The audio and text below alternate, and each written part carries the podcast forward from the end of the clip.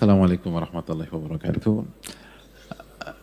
Bismillahirrahmanirrahim. Hamdan katsiran tayyiban mubarakan fi kama yuhibbu rabbuna warda wa salatu wassalamu ala nabiyyina Muhammadin wa ala alihi wa sahbihi ajma'in. Allahumma inna nas'aluka ilman nafi'an wa na'udzubika min ilmin la yanfa'. Uh, hadirin Allah muliakan sebuah kebahagiaan bagi kita pada kesempatan kali ini atas segala nikmat yang Allah berikan, nikmat iman, nikmat Islam, dan khususnya di majelis kita nikmat Allah kembali pertemukan dengan Al-Imam Ibnu Jama'ah rahimahullahu taala setelah berapa tahun? Dua tahun kita terpisah dengan beliau dan dengan Tadkiratus Sami uh, kitab beliau. Semoga Allah Subhanahu wa taala menjadikan ini adalah awal dari sebuah lanjutan perjalanan kehidupan dengan beliau. Dan semoga Allah memberikan kita ilmu yang bermanfaat. Amin ya rabbal alamin. Dan hadirin Allah muliakan uh, pertemuan dengan ulama selalu spesial. Dan pertemuan dengan kita para ulama selalu uh, indah. Karena dengannya kita bisa mengenal Al-Quranul Karim dan sunnah Nabi kita Sallallahu Alaihi Wasallam. Dan uh, sebelum kita masuk ke kitab Tadkiratul Sami,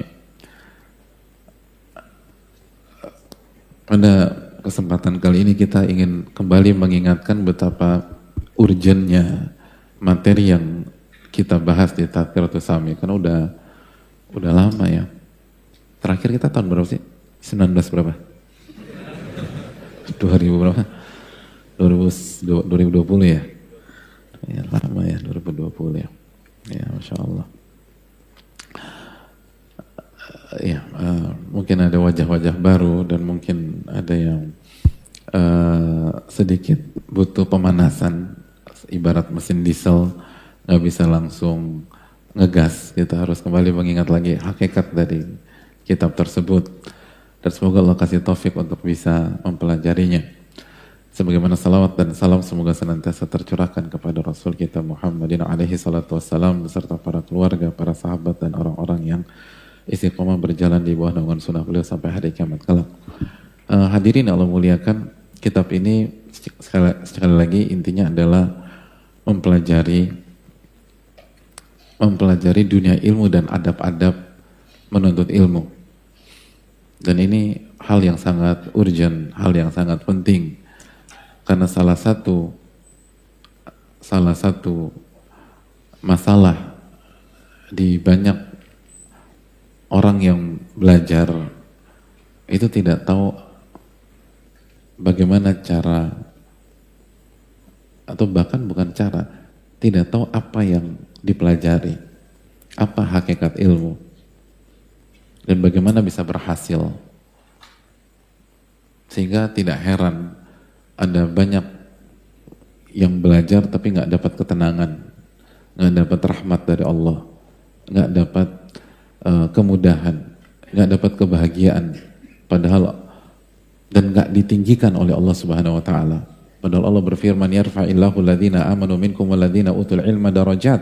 Allah mengangkat derajat orang-orang yang beriman dan berilmu beberapa derajat dalam surat Al-Mujadilah ayat 11. Dan Nabi SAW juga bersabda, nazalat alaihi sakinah.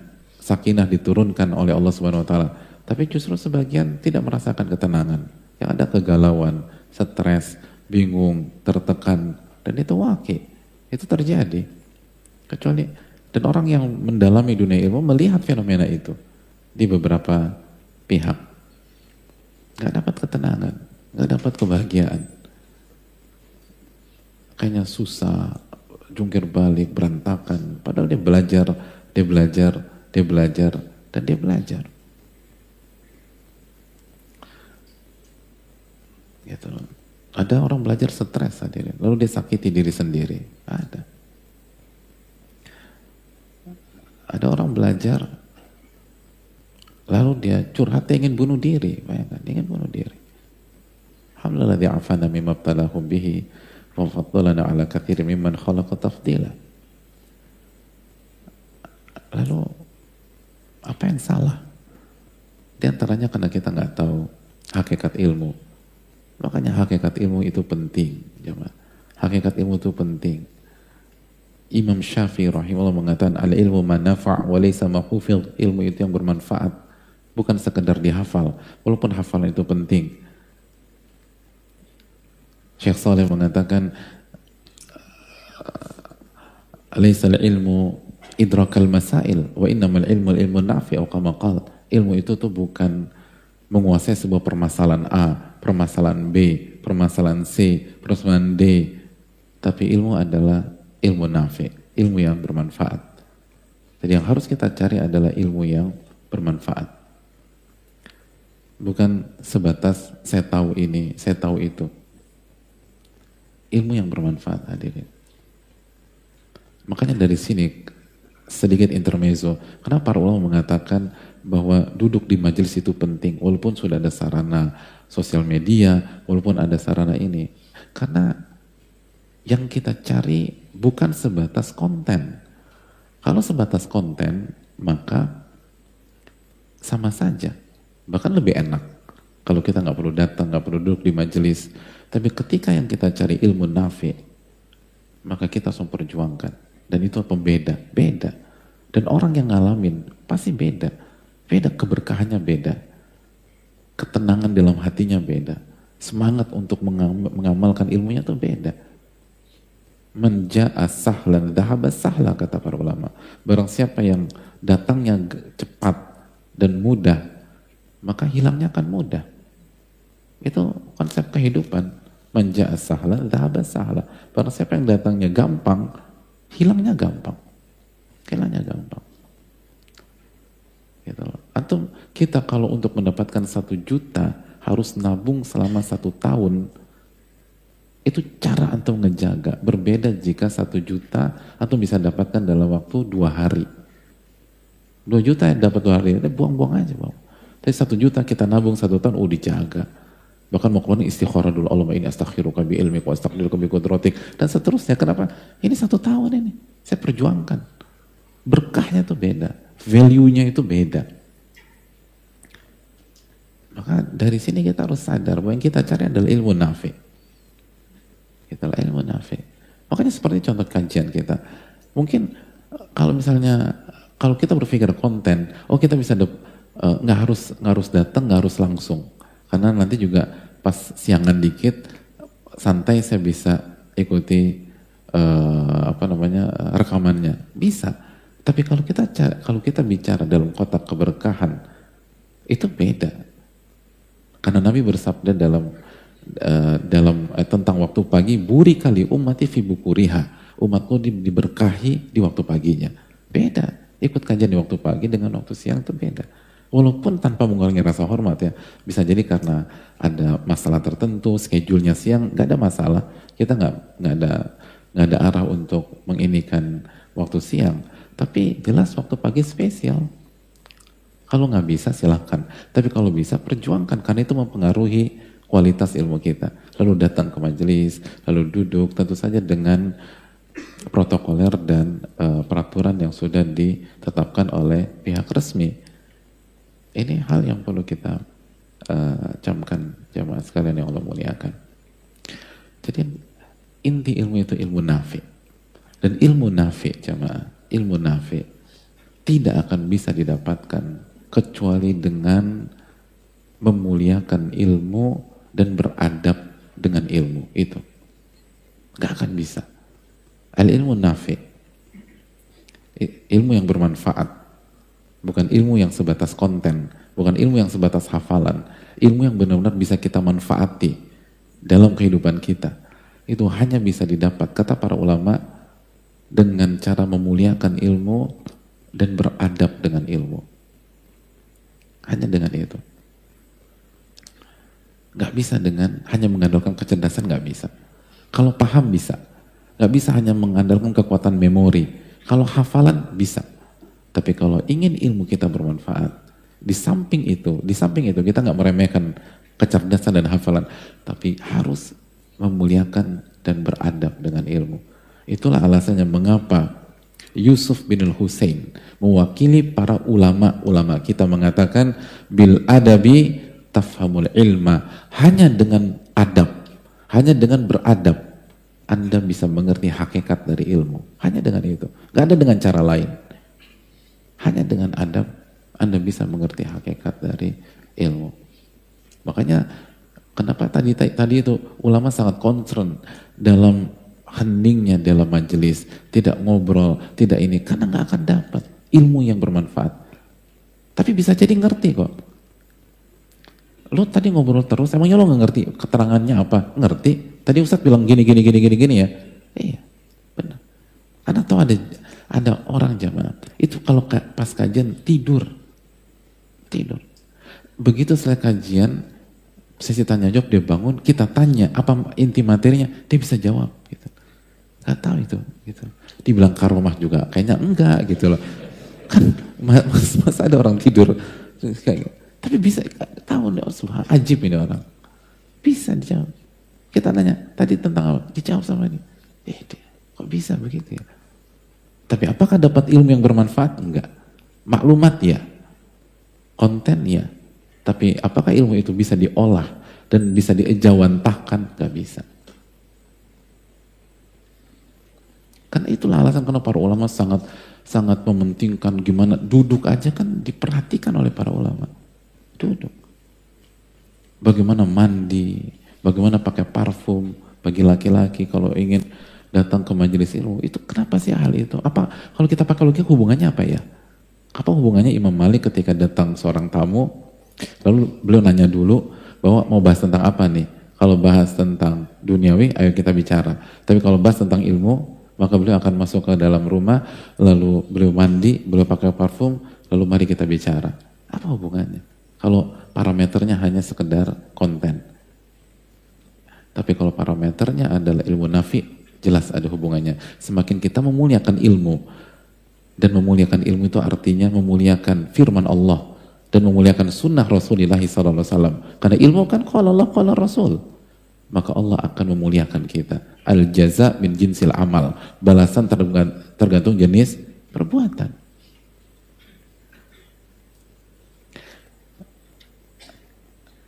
Sim, analoginya simpel banget lah teman-teman apabila sekali ada orang yang super duper cerdas bicara di kelas antum mungkin antum punya kelas masalah startup lah masalah bisnis masalah kemontiran lalu antum bicara dua jam dia bisa nyimak aja antum ngerti semuanya tapi sambil main handphone, mohon maaf sambil ngupil, lalu dia tidur di menit ke-20, lalu dia ngorok, lalu dia kakinya diangkat. Kira-kira antum nyaman gak dengan dia?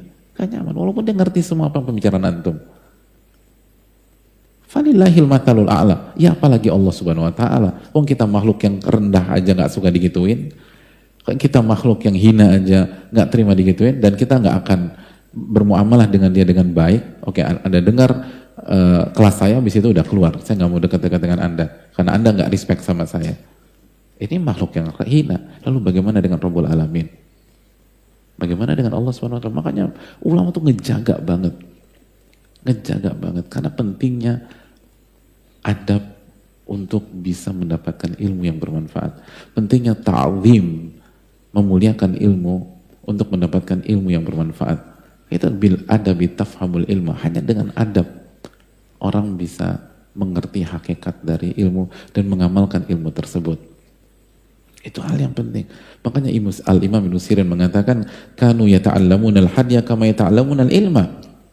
Mereka mempelajari adab sebagaimana mereka mempelajari ilmu. Karena untuk mendapatkan ilmu yang bermanfaat, orang tuh harus beradab, adit. Allah nggak kasih ilmu yang bermanfaat kalau kita nggak punya adab. Adab kepada Allah adabul ilm adab tentang ilmu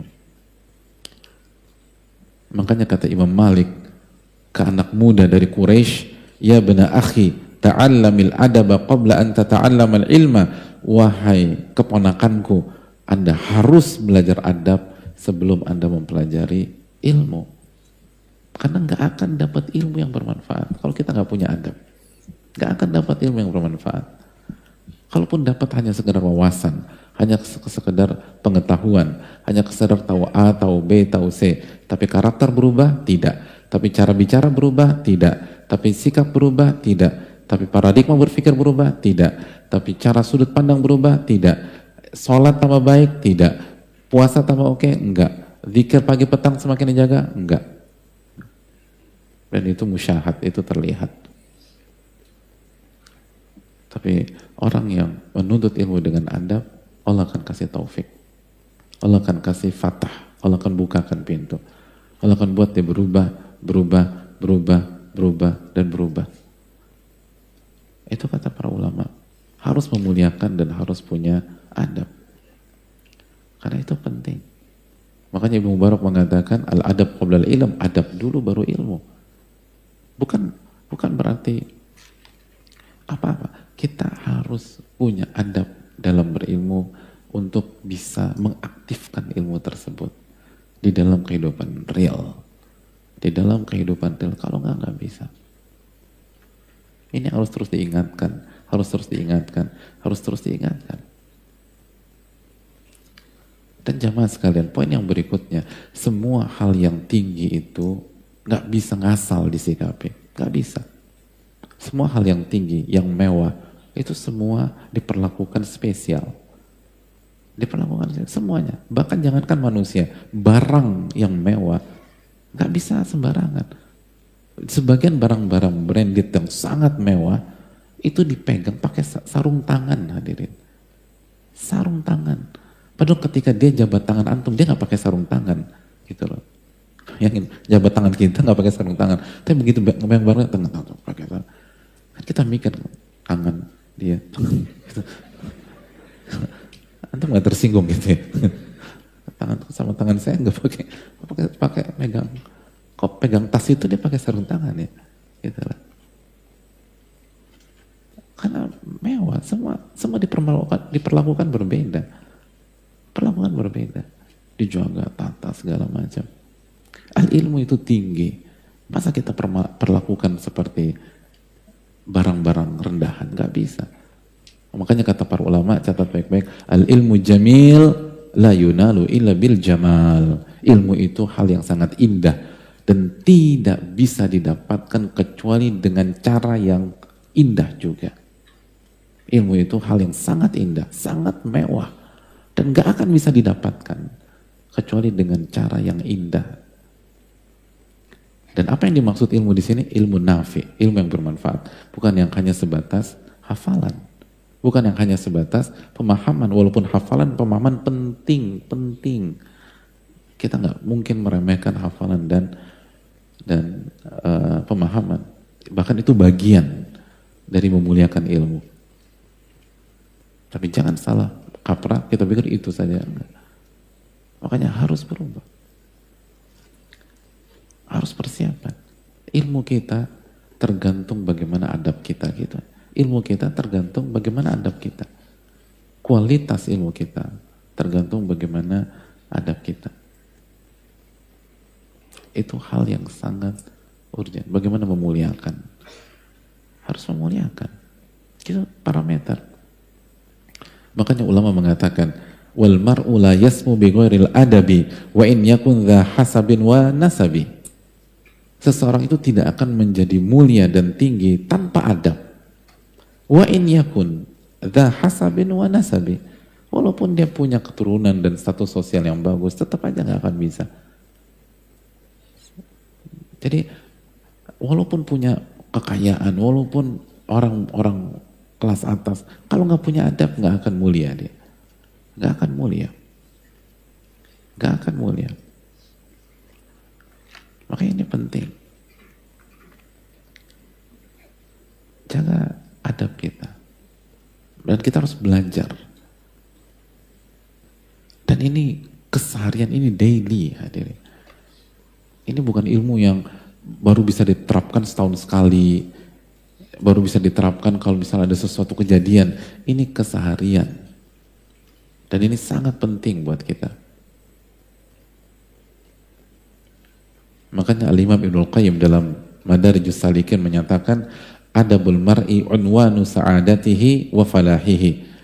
Adab seseorang itu adalah awal dari kebahagiaannya dan awal dari keberuntungan dan kemenangannya. Wa qillatu adabi unwanu syakawatihi wa bawarihi. Dan minimnya adab seseorang itu awal dari kesengsaraan dan kehancurannya. Lihat aja. Jadi adab seseorang adalah awal dari kebahagiaan, keberuntungan, dan kesuksesan. Dan itu clear teman-teman dan jamaah. Orang yang ngerti kehidupan pasti sangat setuju dengan Al-Imam Ibn Qayyim. Ada banyak orang berhasil, itu bukan karena kecerdasan. Ada banyak orang berhasil bukan karena tahu A, tahu B, tahu C. Tapi adabnya bagus. Akhirnya senang orang. Udah dapat inilah, dapat itu, dikasih proyek lah. Dan adab kan bukan hanya senyum aja, amanat, nggak khianat, ikhlas dan seterusnya. Orang senang sama dia dikasih, naik. Dan beruntung teman-teman, beruntung. Beruntung itu penting. Antum mau IQ antum, misalnya 170, tapi kalau antum nggak beruntung, aduh rugi. Mendingan antum punya IQ, IQ berapa? 120, 100, 90 tapi beruntung terus gitu. Yang penting kan beruntung gitu.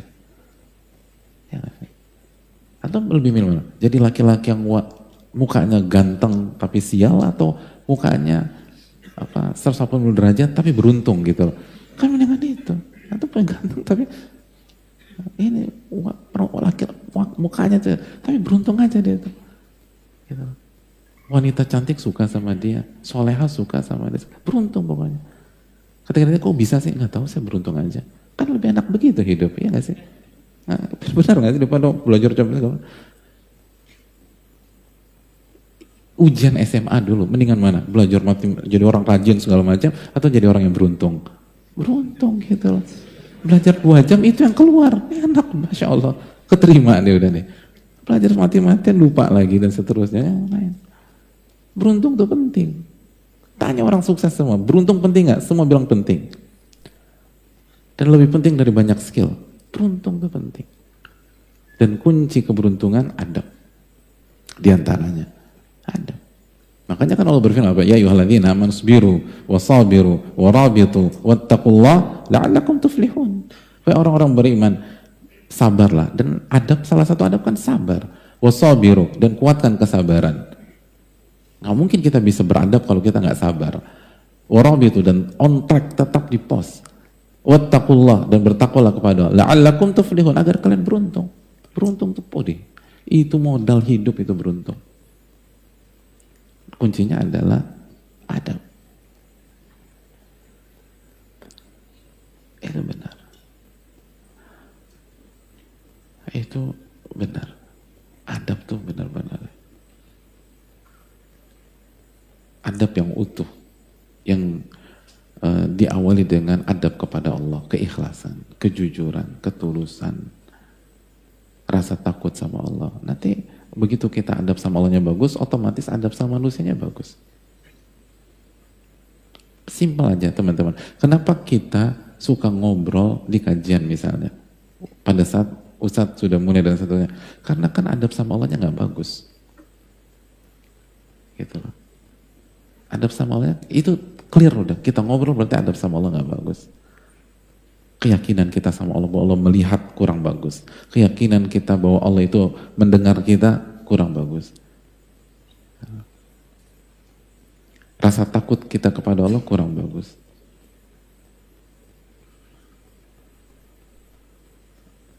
Itu hal yang perlu kita uh, camkan bersama-sama. Jadi adab itu awal dari kebahagiaan dan awal dari keberuntungan. Jadi kalau kita memulai kajian dengan adab, berarti kajian kita akan penuh kebahagiaan, penuh keberuntungan, dan akan membawa kita ke kesuksesan itu. Dan kalau kita bisa jaga itu di luar kajian, maka terus begitu, begitu, begitu. Itu hal yang penting, teman-teman. Wallahu taala alam bisawab. Dan insya Allah materi kita akan mulai eh, bahas di uh, pekan yang akan datang billahi taala. Uh, kita nggak ulang, tapi kita melanjutkan materi yang dulu uh, telah kita pelajari. Jadi insya Allah di pertemuan yang akan datang, semoga Allah kasih taufik, kita akan masuk ke uh, pembahasan baru. Pembahasan baru dari materi Tadkiratul Sami karya Al-Imam Ibnu Jamaah. Saya rasa cukup. Kita buka sesi tanya jawab. Wassalamualaikum warahmatullahi Muhammad wa alihi wa warahmatullahi wabarakatuh. Waalaikumsalam warahmatullahi wabarakatuh. Semoga Ustaz, keluarga Ustaz, umat Islam di dunia selalu dirahmati oleh Allah.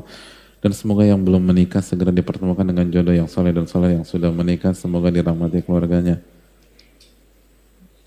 Kenapa antum aminnya pas menikah aja sih?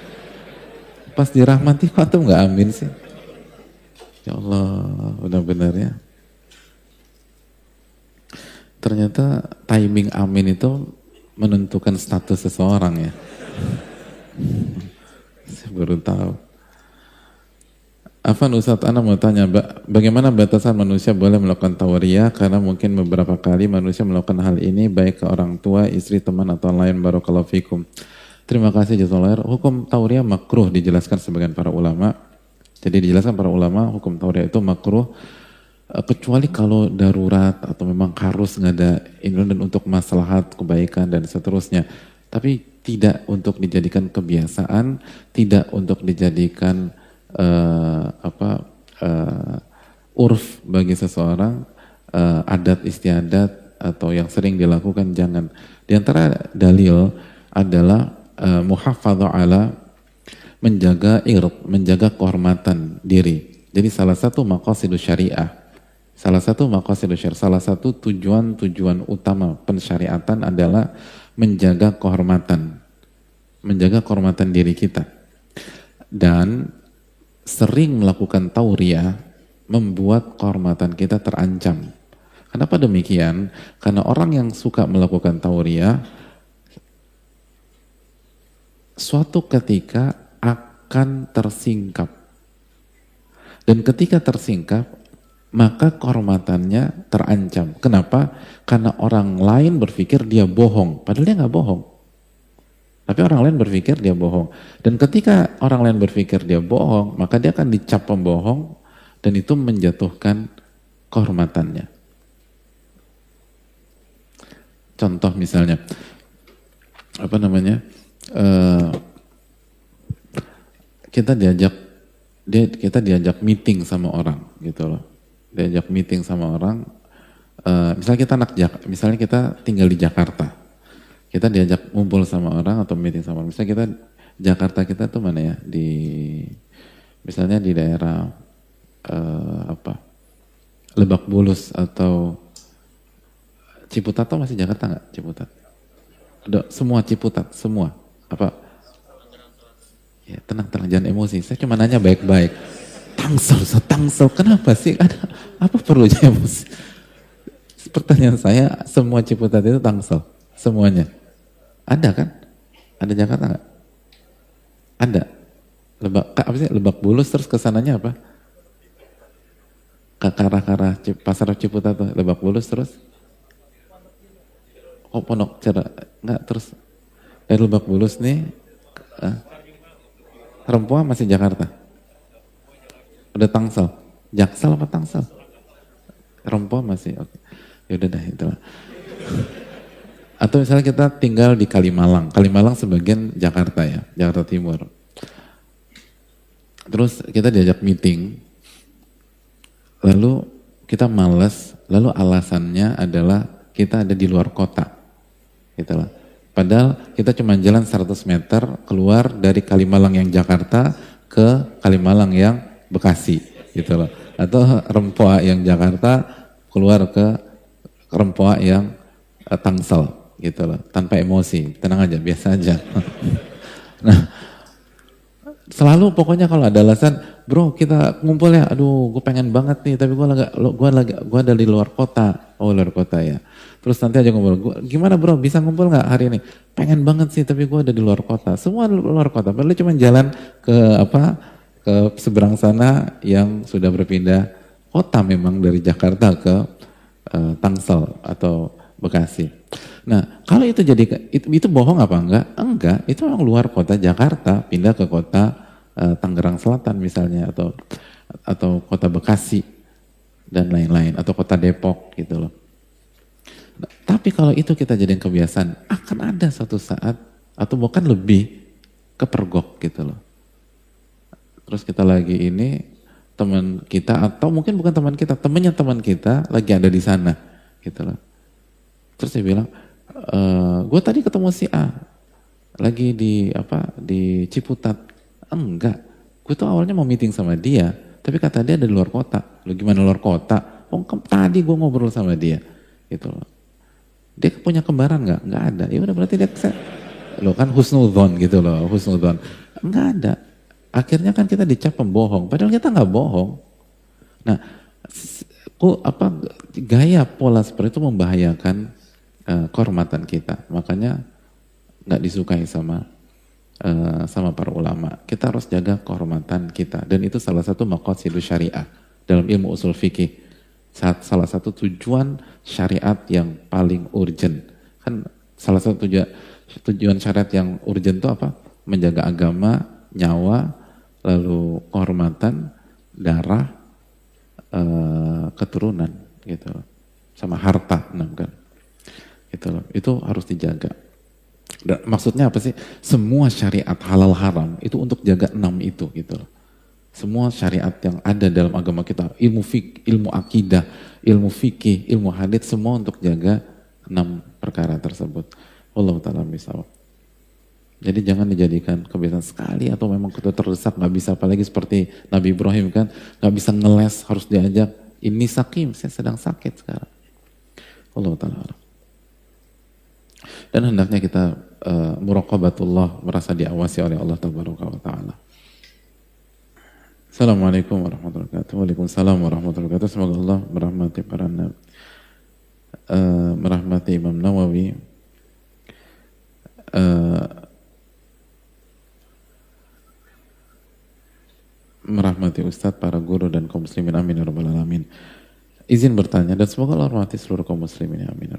Izin bertanya Ustaz ketika kita meyakini bahwa pada saat ini kita mengalami kesusahan atau musibah yang merupakan efek samping dari dosa-dosa atau kesalahan yang telah kita lakukan dahulu, bagaimana taubat kita yang harus kita lakukan dan apa kira-kira tanda bahwa Allah menerima taubat kita jazakallahu khairan. Ya, terima kasih atas pertanyaannya. Allah berfirman, "Wa ma asabakum min musibatin fabima kasabat aydikum." Apa pun yang menimpa kalian itu pasti ada andil dari kesalahan dan dosa kita surat Asy-Syura ayat 30 jadi uh, pasti ada andil. Maka yang harus kita lakukan adalah taubat, taubat, taubat. Dan inti dari taubat dijelaskan oleh Nabi SAW an-nadam. Nyesel banget, nyesel banget. Lalu lakukan islah gitu loh. Wa aslahu. Lakukan perbaikan diri, perbaikan, perbaikan. Dan apa tanda-tanda orang menerima taubat kita? Tanda Allah menerima taubat kita adalah kurva kita semakin baik kurva kehidupan kita grafiknya naik. Itu menunjukkan bahwa Allah menerima taubat kita. Allah Ta'ala misal. Ada kata para ulama, al-hasanatu tad'u ukhtaha, ya ukhti, ya ukhti. Kebaikan itu tuh ngundang saudara-saudaranya. Eh sini, sini, sini gitu loh. Jadi kalau taubat kita dinilai, eh, diterima dan dinilai sebuah kebaikan, maka dia akan ngundang amalan soleh yang yang lain. Allah Ta'ala misal. Assalamualaikum Ustaz, Waalaikumsalam warahmatullahi wabarakatuh. Semoga keberkahan selalu menyertai Ustaz hadirin dan seluruh kaum muslimin amin ya alamin. Dan semoga Allah merahmati Imam Nawawi, Ibnu Jamaah dan seluruh ulama-ulama kita. Ya Ustaz saya didiagnosa dengan depresi dan sekarang saya mengkonsumsi obat. Kadang saya masih suka kambuh depresinya dan menangis. Gak punya harapan hidup, merasa diri tidak berguna dan tidak punya kemampuan. Saya juga bulan depan takut gak punya pekerjaan Ustaz. Mohon nasihatnya untuk dapat merasa kona'ah dan tidak cemas dan tidak sedih berkepanjangan. Serta mohon doanya Ustaz untuk hati saya untuk lebih mudah berbakti kepada ayah yang maaf kurang bertanggung jawab kepada anak-anaknya. Sehingga saya sekarang mencoba untuk mengurus adik-adik dan itu pula sumber trauma saya karena selalu dicap bodoh dan dipukuli oleh ayah saat kecil. Jazakallahu khairan barakallahu fikum. Ya terima kasih atas pertanyaannya. Ini kembali ke ucapan Ibnu Aun hadirin Ibnu Aun rahimahullah mengatakan zikrun nasida wa zikrullahi dawa. Mengingat man, mengingat manusia itu penyakit dan mengingat Allah adalah obatnya. Trauma itu karena kita mengingat makhluk tanpa tanpa meremehkan ya. Trauma itu berat. Dan uh, semoga uh, saudara-saudara kita yang punya trauma masa lalu itu di dilupakan dan diangkat oleh Allah Subhanahu wa taala. Dan kita banyak bersyukur ketika kita misalnya nggak punya trauma masa lalu. Tapi coba kita ingat, inti dari trauma itu apa? Mengingat. Apa yang kita ingat? Ingat Allah atau ingat makhluk? Ingat makhluk. Kita ingat si A yang melakukan itu, atau ingat kejadian itu. Kejadian itu kan makhluk. Nah itu memang penyakit. Itu benar deh kata para ulama. Zikrun nasida, mengingat manusia atau makhluk itu penyakit. Obatnya apa? Zikrullah. Ingat Allah subhanahu wa ta'ala. Coba perbanyak ingat Allah. Coba waktu itu dihabiskan untuk mengingat Allah. Allah tuh maha baik sama kita. Coba Ar-Rahman Ar-Rahim. Yang dan yang jadi masalah kita ini lalai dalam mengingat kenikmatan-kenikmatan Allah. Lalai mengingat kenikmatan-kenikmatan Allah Subhanahu wa taala. Kan itu yang jadi masalah. Makanya Allah katakan wa amma bi ni'mati rabbika fahadits. Adapun nikmat Rabbmu bicarakan. Kita harus senantiasa mengisi waktu dengan mengangkat nikmat Allah, mengangkat nikmat. Itu jadi tenang. Alam bidzikrillahi tatmainul qulub. Ketika dengan mengingat Allah hati jadi tenang. Yang membuat kita uh, paranoid bulan depan nggak dapat kerjaan itu kan itu ketika kita ingat kondisi sekarang lagi susah, banyak orang di PHK, teman kita yang jobless belum diterima-terima atau teman kita yang baru saja di PHK bulan lalu lalu kita berikutnya tahun de bulan depan itu kan itu yang bikin kita hancur. Kita ingat makhluk. Coba kalau kita ingat bahwa Allah itu Ar-Razzaq. Wa fis sama'i rizqukum wa tu'adun. Di atas langit lah rezeki kalian dan apa yang dijanjikan untuk kalian. Ingat nikmat, ingat Allah Subhanahu wa taala sebagaimana Nabi bersabda sallallahu alaihi wasallam, "Lau kuntum tawakkaluna 'ala Allah haqqa tawakkuli, la razaqakum kama yarzuqut tayr taglu khimasan wa taruhu bitana. Kalau kalian benar-benar bergantung kepada Allah, bertawakal kepada Allah dengan sebenar-benarnya tawakal, maka kalian akan diberikan rizki sebagaimana Allah kasih rizki kepada seekor burung yang pagi keluar dengan perut lapar dan uh, pulang sore hari dalam kondisi perut kenyang. Jadi burung itu nggak punya kerjaan tetap hadirin. Gitu. Tapi setiap hari itu pergi lapar pulang kenyang, pergi lapar pulang kenyang. Berarti ini kan masalah iman, masalah takwa. Oleh karena itu hendaknya kita camkan masalah itu. Saya rasa cukup sampai di sini jazakallahu khairan. Semoga bermanfaat dan semoga Allah memberikan taufik kepada kita dan uh, semoga kajian berikutnya uh, lebih lebih baik lagi, lebih ihsan lagi dan semoga Allah terima amal ibadah kita dan semoga Allah jaga keistiqomahan kita dan semoga kita menjadi hamba-hambanya yang bersyukur setelah Allah kembali uh, pertemukan kita di majelis ini. Karena sekali lagi kalau kita nggak bersyukur nanti Allah cabut lagi hadirin. Kalau Allah nggak kalau kita nggak bersyukur nanti Allah bisa cabut lagi nikmatnya. Dan kita butuh kajian-kajian seperti ini. Kita butuh uh, sakinah. Kita butuh rahmat Allah. Kita butuh dinaungi oleh malaikat karena Allah perintahkan hal itu. Maka banyaklah bersyukur. Dan salah satu syukur adalah jaga keistiqomahan jaga keistiqomahan dan jaga keistiqomahan dan yakinlah ini adalah nikmat dari Allah Subhanahu wa taala dan waktunya pun juga bagus banget. Waktunya pagi hari, buri kali umat fi bukuriha. Umatku diberkahi di waktu pagi dan sering dan banyak di antara kita belum ada aktivitas macam-macam. Jadi semoga Allah memberikan kita ilmu yang menjadi penolong bagi kita dan bukan bumerang bagi kita. Amin ya rabbal alamin. Subhanakallahumma wa bihamdika la ilaha illa anta astaghfiruka wa atubu ilaik. Assalamualaikum warahmatullahi wabarakatuh.